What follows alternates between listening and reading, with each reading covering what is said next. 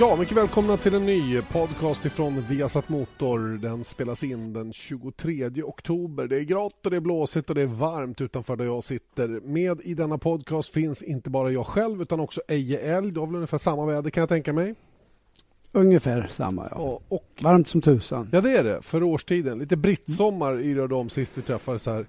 Det kanske är det det Ja, handlar om. både, både in och ute. Ja, precis. Jag tror jag ska gå ner i sjön och lägga mig så blir det lite svalt. Gör du det. Eh, Niko Milovanovic finns också med, då, vår MotoGP-expert. Vad har du för förutsättningar där du sitter? Du, jag verkar inte ha det lika bra som ni. Vad snackar ni om att det är så varmt och skönt där utanför? Men det är ju Var är ni 12-13 någonstans? grader. Det är ju 12-13 grader. Men, sen när Han- blev Han det på varmt. Janne? Ja, men det är varmt. Det kunde ju ha varit 3 minusgrader. Åh fy fan, det har varit så kallt de här dagarna. Ja, nu, Mm. det, det är sant det du säger, det, det är lite varmare nu. Men fy fasen vad kallt det har varit de här dagarna nu. Härligt. Härligt. Ja, men jag har det bra i alla fall. Det är bra det.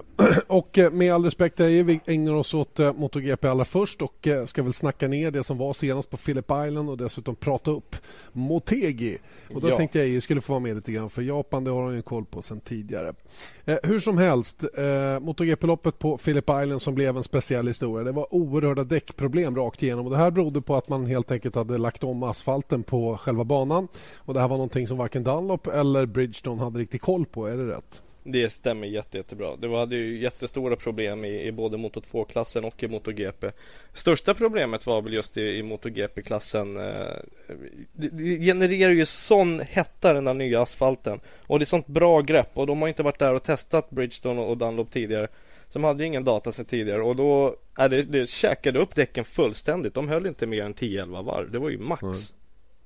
Eh, Eje, du som har jättemycket erfarenhet av däcktester och sådana har du upplevt sånt där att du har kommit till en bana, helt ny asfalt och det blir bara pannkaka allting?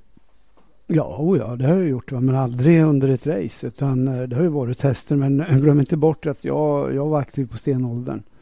Eh, stenväg. Nej, men eh, på den tiden innan, innan, eh, innan alla restriktioner om tester och att kostnaden ska ner och, så- och så vidare. Så att, eh, vi var ju alltid och testa på alla banor innan och var, inte, var man inte där med sitt eget team så var ju däcksfabrikanten definitivt där. Så var Mm. det alltid. Eh, och eh, Bridgestone har fått en hel del kritik då för det som skedde nu på Phillip Island senast då, och även MotoGP-organisationen. Det blev ju lite speciellt eftersom man inte kunde köra full distans. Eh, Bridgestone bedömde väl att en eh, 10, 9, 10, efter 10 varv så kunde Ja. man inte garantera säkerheten längre. Var det inte så? Ja, jo precis, det var max 10 varv. Eh, Först så hade de ju bestämt sig för att korta ner racet med ett varv till 26 varv och sen köra då ett sånt här flag to flag race med ett byte eh, utav cykeln med nya däck på efter 11-12 varv. Eh, men eh, sen efter warm-upet så, så tog de det beslutet att korta ner racet ytterligare till 19 varv och sen då köra med det här flag to flag och byta cykel efter 9 eller 10 eh, på nionde eller tionde varvet.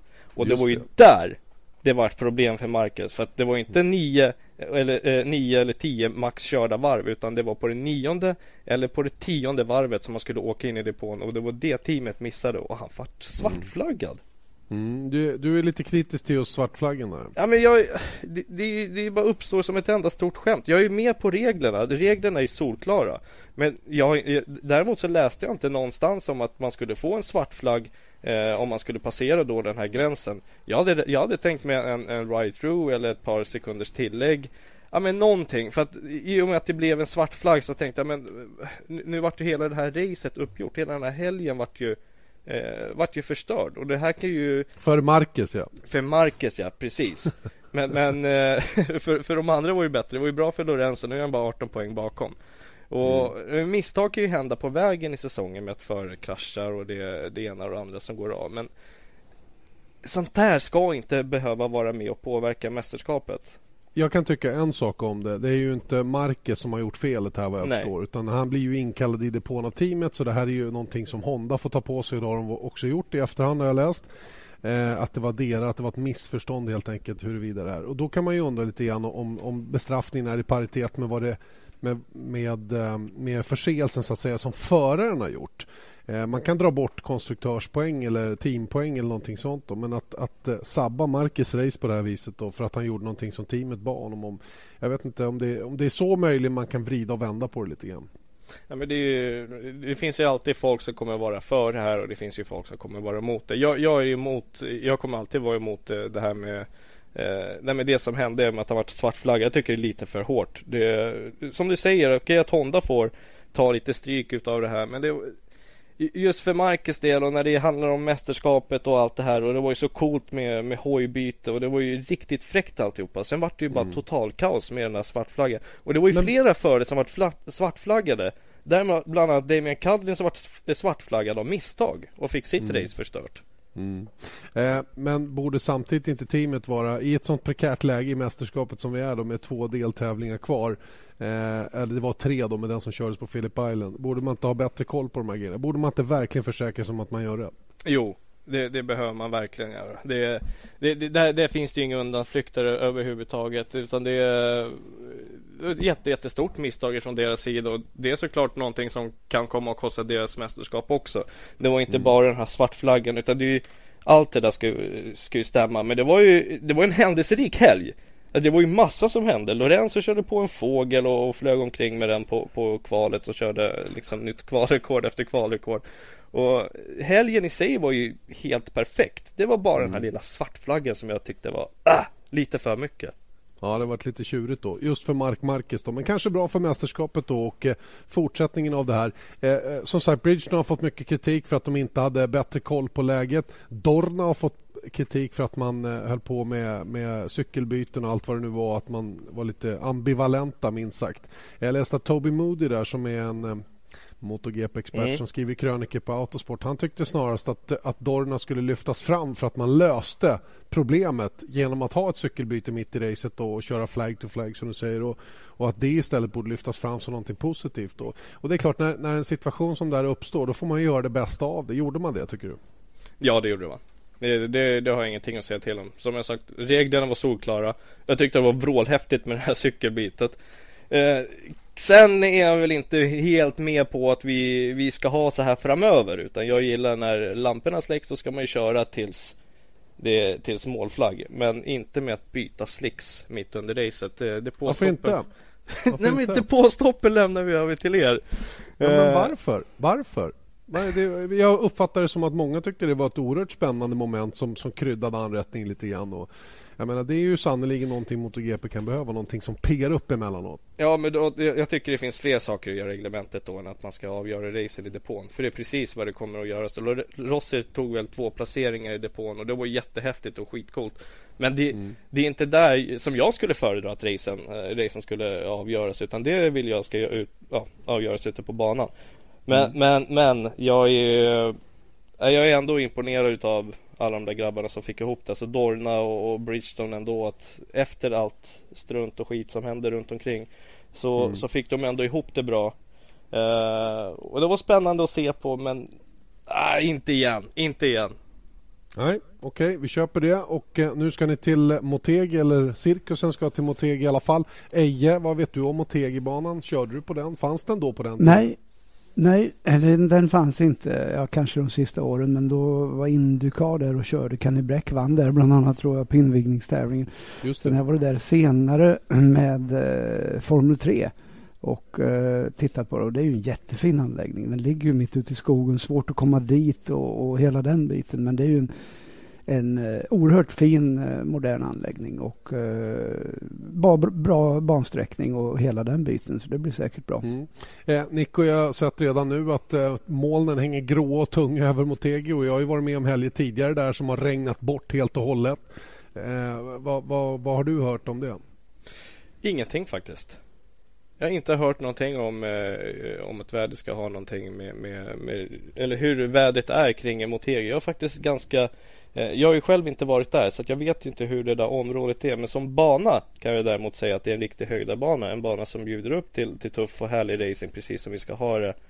Uh, och, och, Honda vet vi som sagt är grymt starka där eftersom att ja, de har ju aldrig sina tester och sånt där. Min största minne var ju när um när Lorenzo och Rossi körde ihop senast. De hade en grym oj, fight. Oj, jag, tror, jag tror att Lorenzo redan hade säkrat titeln. Eh, men, eh, och Rossi bara körde för allt han kunde. Exakt. Vad var det då? Det var, år, det var ju det året han eh, Ja, det var sista året han körde, han körde innan, innan han flyttade över till, eh, till Ducati. Ja. Ja, jag minns det också. Det var ju helt grymt i slutet på varvet där de ligger sida i sida och det var ju kontakt, jag vet inte hur många gånger per varv. Exakt. Ja, det, var, det var fascinerande faktiskt och vi kan ju bara drömma om en lik, ett liknande scenario. Exakt. Nu, det har ju varit lite Jag tjatar väldigt mycket om våra, under våra sändningar kring det här med Honda-bana och Yamaha-bana och nu är det faktiskt Nu är det ett faktum. Nu, nu är det officiellt eh, och de skriver ut i, i medierna att Hondan är helt överlägsen i bromsningarna. De, de kan ha en helt annan ingångshastighet, en helt, helt annan ingångskurva och sen tjänar de betydligt, alltså de tjänar ju oerhört mycket på det eh, i utgångarna. Det är där de tjänar mest. Och det här är en liten start och stoppbana men som också har ett par snabba svängar. Och vi såg ju eh, just den här fighten då mellan Lorenzo och Rossi. Det är ett typiskt eh, bevis på vilket racing det kan komma att vara där. Och nu när Danny Pedrosa är med eh, uppe i fighten igen. Vi har Mark Marquez, vi har Crutchlow som är hetare än någonsin. Bradley Smith är hetare än någonsin. Alvaro Bautista var trea där förra året. Nej, så att det här, uh, det här racet kommer vara riktigt, riktigt fett. Och sen då, revansch 20 Marquez. Det ja, det lär han ju vara. Det lär mm. ju vara. Och eh, frågan är då om man kan fortsätta hålla den där luckan någorlunda då eller om man ska gå eh, gå mot eh, en första VM-titel direkt i sin debutsäsong. Det blir spännande i alla fall. Eh, loppet som går redan klockan sex på söndag morgon, alltså MotoGP-racet. Eh, men redan klockan åtta så går det i repris och det är precis kant i kant med Formel 1. Så vill man så kan man gå upp till klockan åtta så kan man se alltihopa i ett svep. Det vore väl fantastiskt. Det gillar säkert den ena halvan av familjen. Ja men det är ju aldrig något fel att titta på det där. Det är ju, det, det är ju så, så, bra det bara kan bli att inleda morgonen med lite MotoGP-race och en skön kaffe och sen kommer Formel 1 där på. Världsklass. Det är perfekt. Det är världsklass. Världsklass. världsklass. Ja. Tack så mycket Nico. Lycka till nu. Du behöver sova i kapp lite nu. Ejo har ju liksom ja. våra hundmånar nu så att nu går vi över lite mer vettig tid. Ha det bra killar. Vi, vi, säger tack så länge till, till eh, Niko Milovanovic och Eje. Du har suttit och lyssnat lite grann. Vad säger du om det som hände på på Phillip Island där med däckstrul och depåstopp och svartflaggor och allt vad det är. Det är inte bara Formel 1 som har däckproblem verkar det som. Nej. Eh, och jag, jag, tycker att, eh, precis som du säger, att regler är regler och eh, det är lite klantigt om man inte eh, i förväg har läst dem tillräckligt noga och gör fel i, i, eh, under, under tävlingen. Sen kan man väl också det här är ju någonting som vi har pratat en hel del om i F1. När det blir sådana här förändringar eh, tätt in på tävlingen, ja, då sätter det ju extra stora krav på domarna som då måste ta beslut eh, på saker och ting som de aldrig kanske tidigare har gjort. Mm. Och då kan det bli lite förhastade grejer. Så att, eh, rent gener generellt så tycker jag ändå att det var bra att de löste det och fick till ett bra ett, fick till ett race. Sen att eh, någon, någon kanske blev lidande, det, det är sånt som händer. Sånt sker ja. Du, eh, i våran bransch då, så att säga i den fyrhjuliga så kom ju en riktig bomb igår, eller egentligen i förrgår kväll. Eh, det är nämligen så att eh, ryssen Daniel Kviat som är bara 19 år gammal får platsen efter Daniel Ricciardo Toro Ett oerhört oväntat beslut ifrån Red Bull Eh, och framförallt Dr. Marco då, som eh, tillsammans med Dietrich Mateschitz ligger bakom vilka som ska köra. Och Det känns som ett ganska forcerat beslut från Marco som känner pressen nu att leverera en, en junior till, verkar det som. Ja, eh, får inte glömma bort det, så att vad, vad de jobbar med. Titta hur de, hur de har jobbat med Sebastian Vettel. Att de plockade upp någon tidigt och sen har man eh, supportat honom hela tiden. Man, man söker alltså framtida världsmästare. Eh, problemet eh, och eh, anledningen då att det här droppar ner som en bomb, det är väl att det just nu har blivit ett litet glapp eller vad vi ska kalla det, i, i deras eh, juniorsatsning där. Och det var mm. inte självklart vem som skulle få, få den här körningen. Det har spekulerats till och med i att man skulle ta extern, under en period i alla fall, extern förare som inte tillhörde Red Bull-familjen och så vidare. Nu var väl det kanske lite långsökt att tro att det skulle bli på det sättet för att eh, den här juniorsatsningen är ju Helmut Marcos lilla baby och eh, när han slog knytnäven i bordet så blev det som han ville. Och, eh, men likväl så var det ju naturligtvis eh, en eh, stor överraskning för att inte sedan Kimi Räikkönens inträde i, eller intåg i Formel 1 så har vi haft en så orutinerad kille som nu får plats hos Toro Rosso.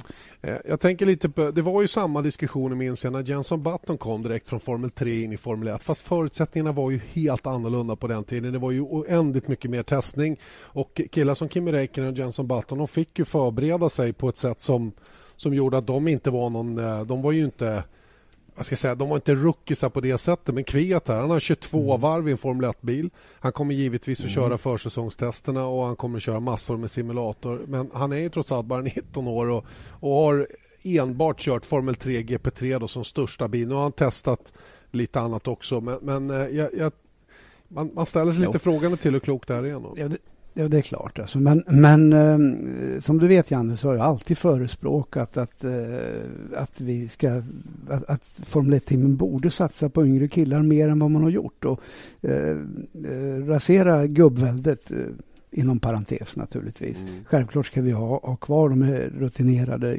och, rutinerade och bra förarna.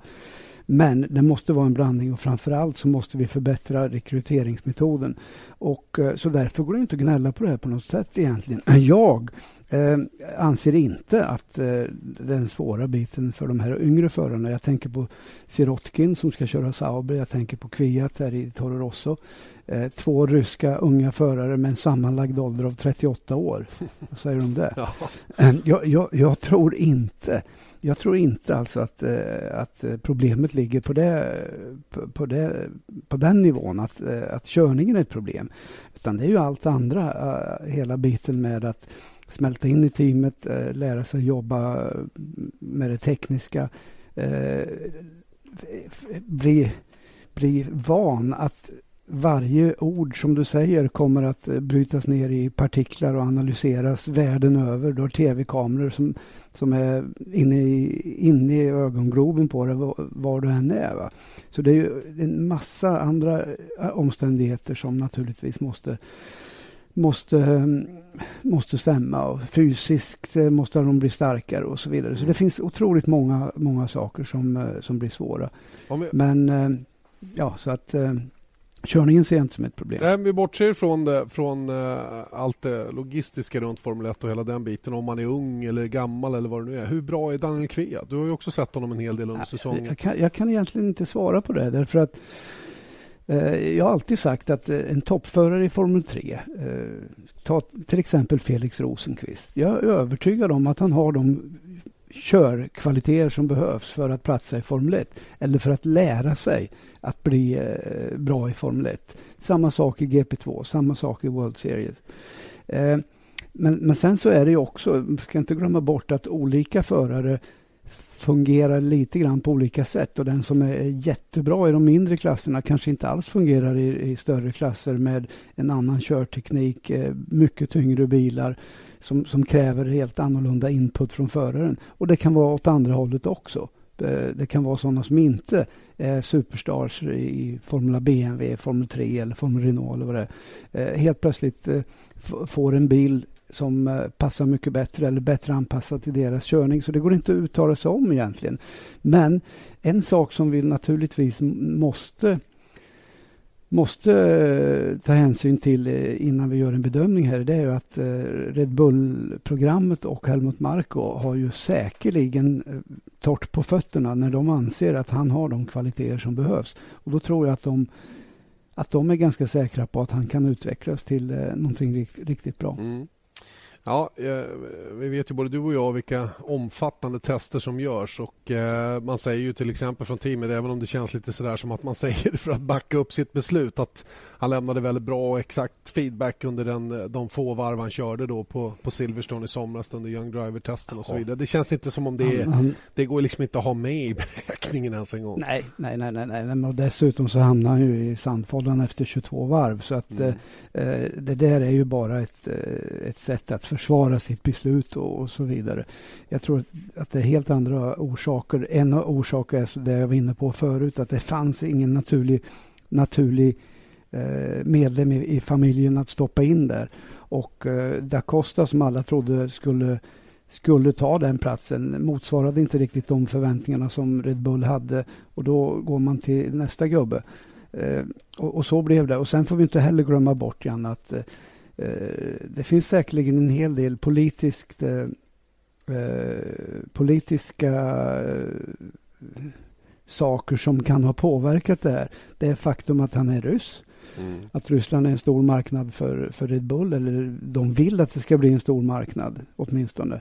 Så att eh, det finns många saker då, men, men eh, sån är branschen och eh, jag tror inte att det är så att på något sätt, jag är nästan övertygad om att han inte köpt in sig i det här, utan det här är, är Red Bull som anser att han är lämplig att ha med i deras Formel 1-program av olika anledningar. Och man tror, tillräckligt, man tror han är tillräckligt stark för att klara den biten. Eh, det leder oss in på en annan liten fråga som är jätteintressant nu då i sammanhanget. Han är ju ingen, han är ingen bodybuilder direkt och vi pratade om eh, Esteban Gutierrez under försäsongen också. Väldigt tunn och smal kille.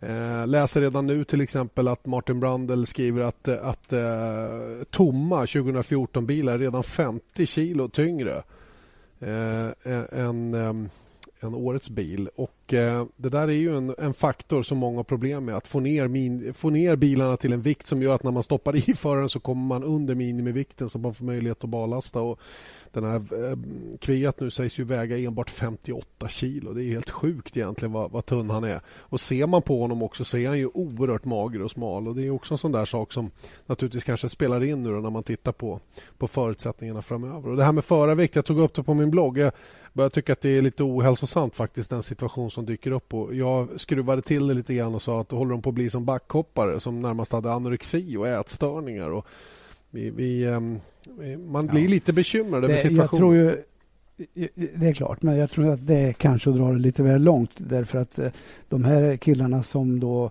Eh, ta Grosjean till exempel, som efter GP2 när han skulle in i F1 också gick ner en massa kilo. Han var ju lövtunn redan innan mm. och blev i praktiken ett, ett skelett. Men får inte glömma bort att det här har ju inte med, det är ju inte anorexia, det är ju inte att han inte vill äta.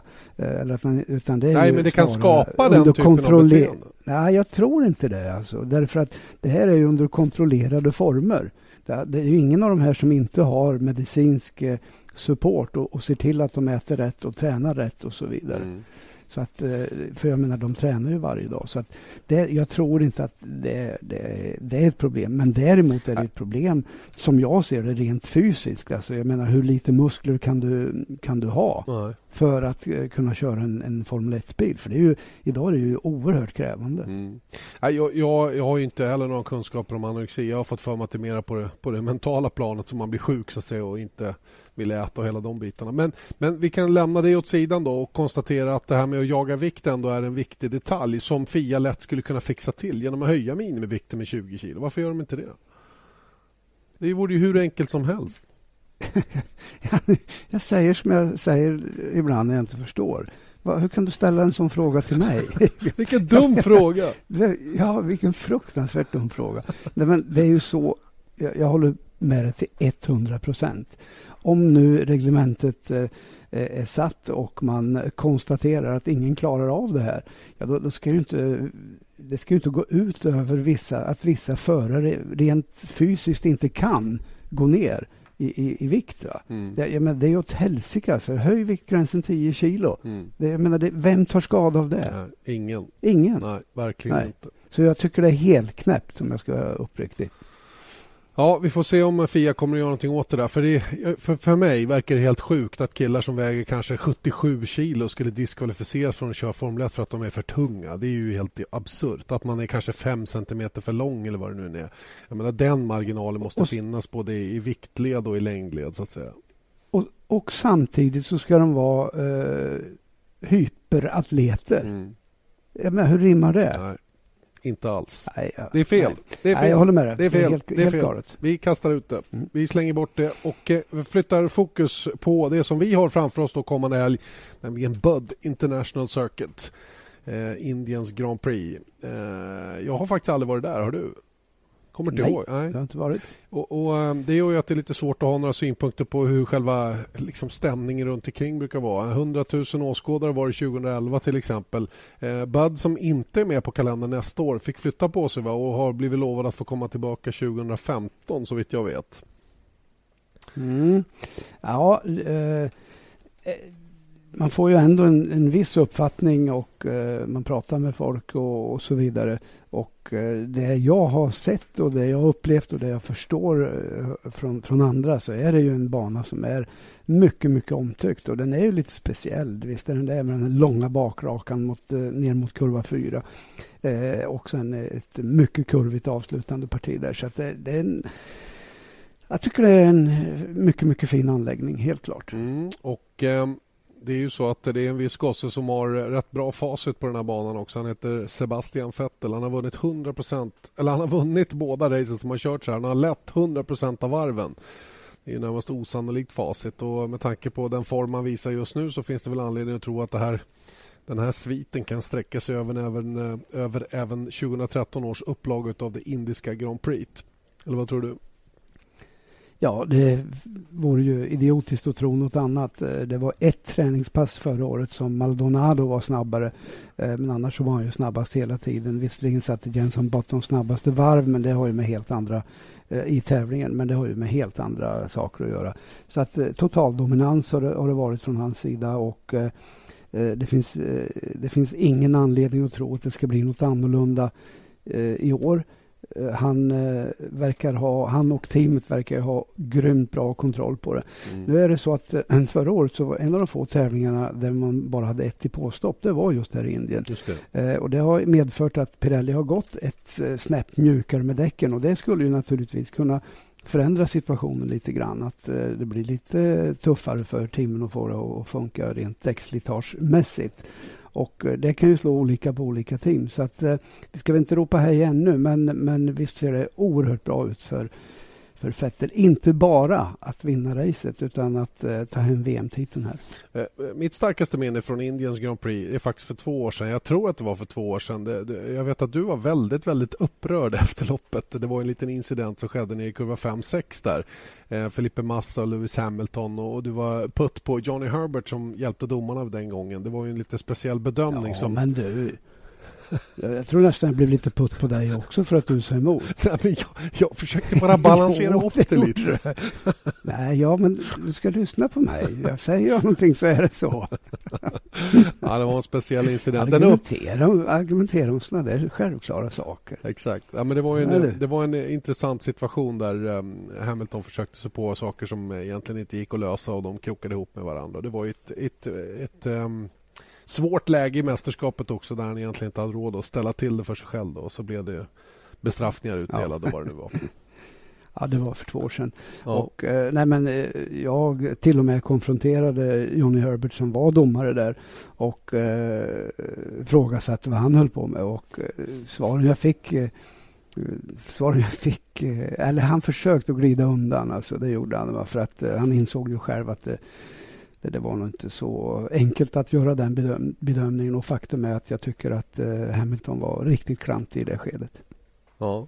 Du, eh, banan som sådan då är lite speciell. Den har ju en extremt lång raksträcka mellan kurva 3 och 4. Och, eh, mm. eh, sen har vi ju start och målraken och sen... Eh, ja, det, det, det, är inte så komplicerat. Första sektorn egentligen är ju ganska, ganska eh, straight forward. Det är rakt fram helt enkelt. Sen, sen kommer mm, vi till det där... Lite grann Janne, upp, upp, eh, uppförsbacken och sen inbromsningen över krönet in i kurva 3 ja. där. Och det, den är väldigt, väldigt vid dessutom. Det tycker jag är ett litet intressant ställe. Mm. På, men, men inga större svårigheter naturligtvis. Nej.